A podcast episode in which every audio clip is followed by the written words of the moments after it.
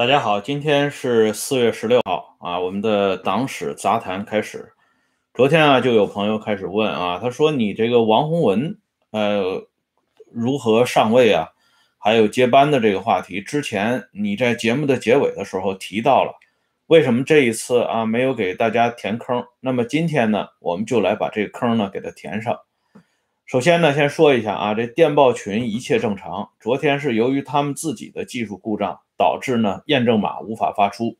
那么今天呢，一切恢复正常，备用群呢依然有效，备不时之需啊，通知一下。那么下面呢，我们就来开启今天的话题。今天的话题啊，实际上还是围绕着毛泽东、周恩来、王洪文、张春桥、许世友这几个主要人物展开。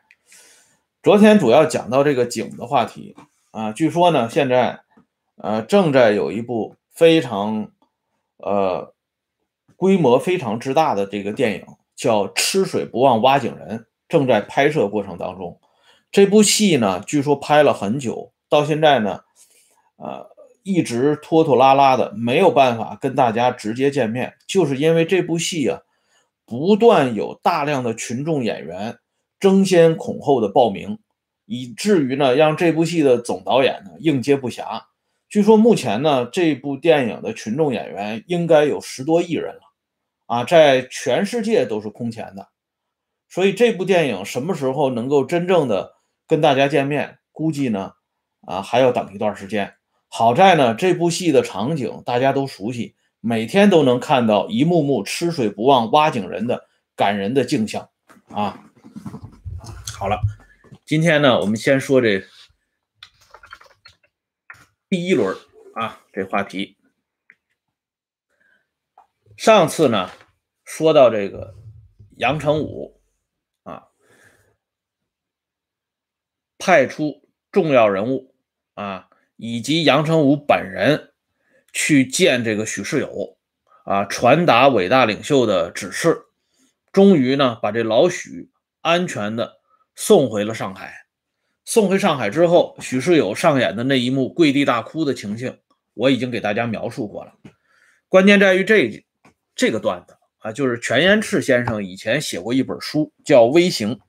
杨成武在一九六七，在这本书里边呢，他写了这么一个段子。他说，许世友啊，一脸精神的从这个屋子里出来了，很高兴的对杨成武说。我要打一只豹子送给程武同志，啊，老杨啊，送给你。这是许世友对杨成武的答谢。转过身来之后呢，许世友对着张春桥和姚文元啊说，而且呢还举了一下这手指头，啊，跟张瑶两个人说：“我打一只兔子送给你们。”这杨成武这个时候赶紧拉住许世友说：“哎呀，算了算了，老许啊，咱们喝酒去。”这个段子呢是出现在全赤先生的这本书里边，而实际上这个事情呢，跟历史真实的一面呢有很大的出入。首先一点呢，许世友确实是给杨成武打了一只豹子，不过呢，这只豹子具体是什么结局没有记载过，只来自于杨成武本人的说法。但是杨成武。的回忆当中没有告诉我们另外一个事情，那就是许世友，嗯，不仅没有给张春桥打一只兔子，反而给张春桥打了一只豹子。这只豹子呢，是确实是出自于许世友之手，不仅打了这只啊这只豹子，而且把这只豹子呢送给了张春桥。这是好几个人同时的回忆。有张春桥的女儿张维维，有姚文元的秘书胡鼎钧，有张春桥的秘书何秀文，啊，这个出处呢就在张春桥一九四九及其后这本书当中，这是由郑重先生啊写的一本书。在这本书当中，张春桥的女儿张维维她有一个回忆，她说许世友打了这只豹子之后呢，这个送给张春桥这个豹子肉呢。啊，送到了食堂啊，就煮了吃了。豹子皮呢留了下来，啊，给张春桥的椅子做靠垫啊，就是这么一个事情。而且许世友按照毛泽东的指点，就是说将相和嘛，毛泽东导演这么一幕将相和，就是为了让许世友和张春桥和衷共济。哎，所以呢，许世友后来在打猎的时候，曾经几次叫过张春桥的女儿张维维啊，说一一道去吧。张维维被自己的老爹张春桥给叫停了，说你不要跟着去啊，许司令打猎是他的事情，他叫你，你不要跟着去。这也是张维维本人亲口回忆的。换句话说呢，毛导演的这一幕将相和，其实并没有取得啊。最实际的收益，张春桥和许世友两个人尽管重新坐到了一起，在一起开会，甚至呢给外界展示了他们啊比较融洽的这一面。还有这张照片啊，这是当时周恩来带着许世友、张春桥啊领着外宾参观这个长江大桥这个过程啊，在这个过程当中还有这么一个故事，就是。大家从照片上也能看到，许世友呢穿的这个军服非常邋遢啊，连这个风机扣也没系。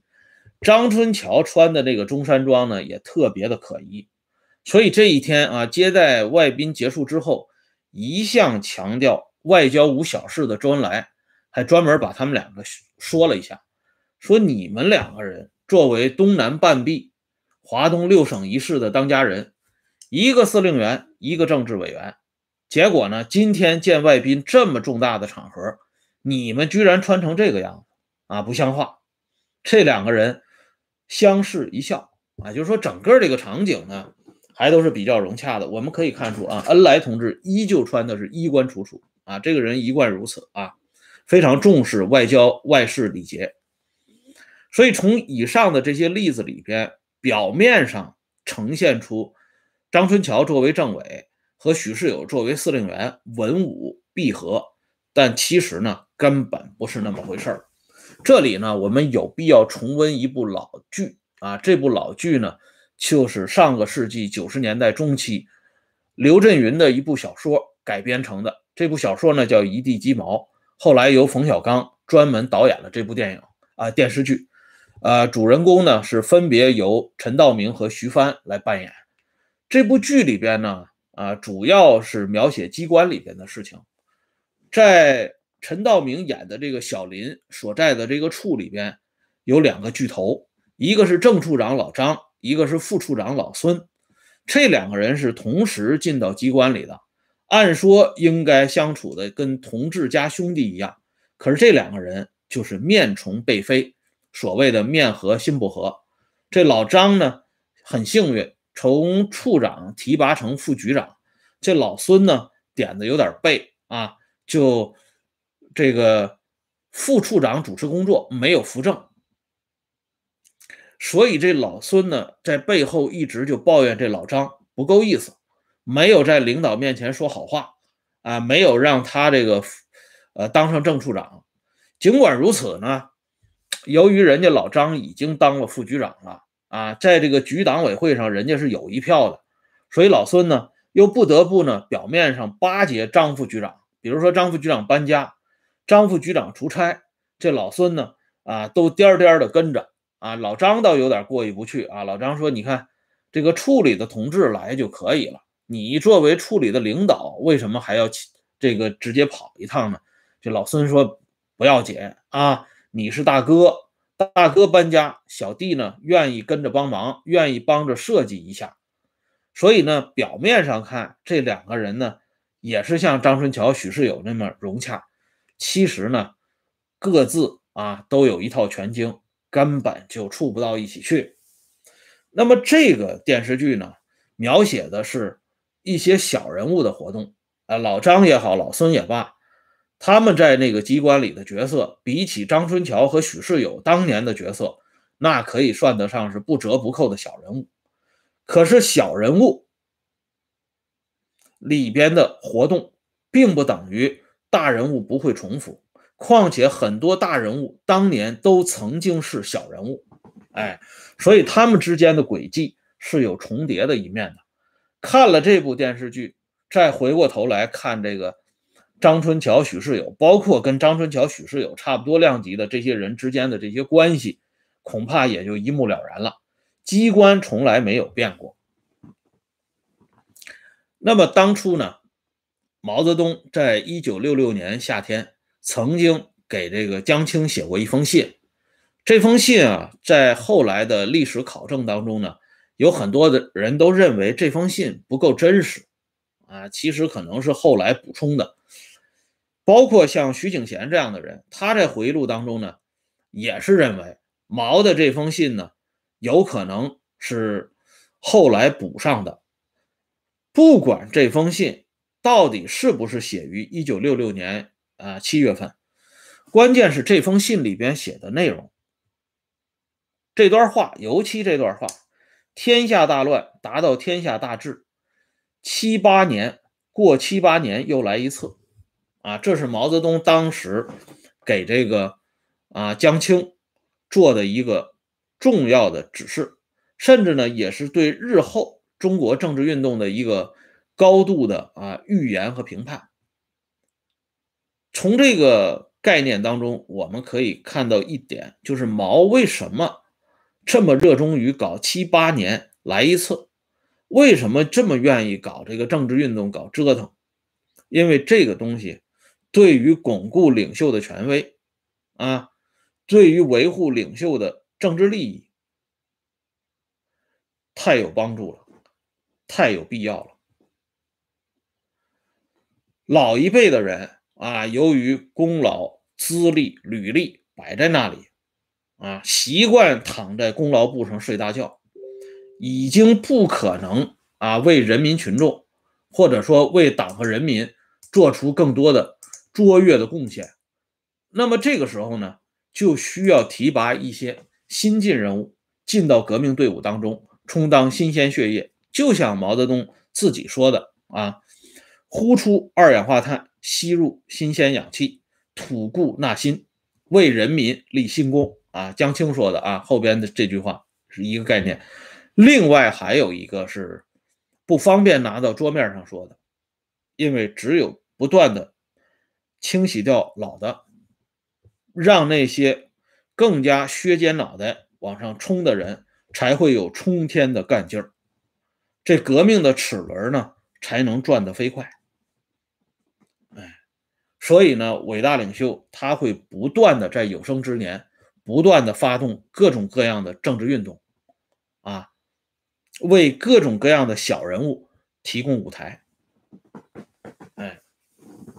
所以呢，接下来我们看这个小人物的发迹，也就在情理之中了。这就是王洪文啊，就提到这毛泽东为什么要提拔王洪文。经过很长一段时间考察，特别是这个林彪事件发生以后，更让毛意识到，这些老同志有一些老同志真的是靠不住了啊，像林彪这种从井冈山时代就是。手提耳提面命啊，手把手教起来的人，居然敢刺王杀驾，所以提拔新进更是题中应有之义。不过呢，这个新老这两派之间的冲突也是显而易见的。提拔王洪文这个人，首先在许世友这里就说不过去啊。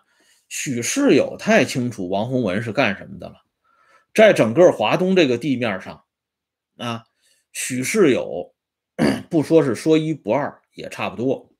而王洪文的这点底子，许世友非常清楚。所以，尽管把王洪文提拔上来之后，许世友呢，仍然一口一个小王叫着。这里呢，有关键人物的回忆。这个人呢，是张春桥的秘书肖木。肖木晚年他就回忆过，啊。他说：“许世友这个人啊，很有意思。他喝酒的时候一定要把对方灌醉，啊，对方要不喝倒，他就不高兴。只有对方喝倒了，他才会哈哈大笑。